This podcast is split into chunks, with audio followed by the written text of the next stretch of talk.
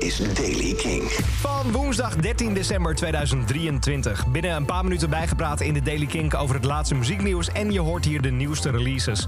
Vandaag is het nieuws over Boy Genius en Patti Smith. Jasper Leidens. Patti Smith zou deze week namelijk optreden in Italië. En het optreden is geannuleerd omdat ze plotseling ziek werd en naar het ziekenhuis moest. Ze zou optreden in het duurste theater in Bologna op uh, dinsdag 12 december. Dat, uh, dat zou dan gisteren plaatsgevonden moeten hebben. Het concert werd op het laatste moment geannuleerd. Ze werd opgenomen in een ziekenhuis in de stad. Het theater liet in een persbericht weten... met grote spijt melden we dat het concert van Patti Smith vandaag niet door kan gaan... vanwege een plotselinge ziekte bij de artiest. Ze voegen eraan toe dat ze het vervelend vinden en uh, voor het ongemak van het publiek... en wensen Smith een spoedig herstel toe. Boy Genius dan heeft onthuld dat Dave Grohl van Foo Fighters... eigenlijk zou meewerken aan het debuutalbum The Record... maar heeft die opnamesessie gemist omdat hij in slaap gevallen was.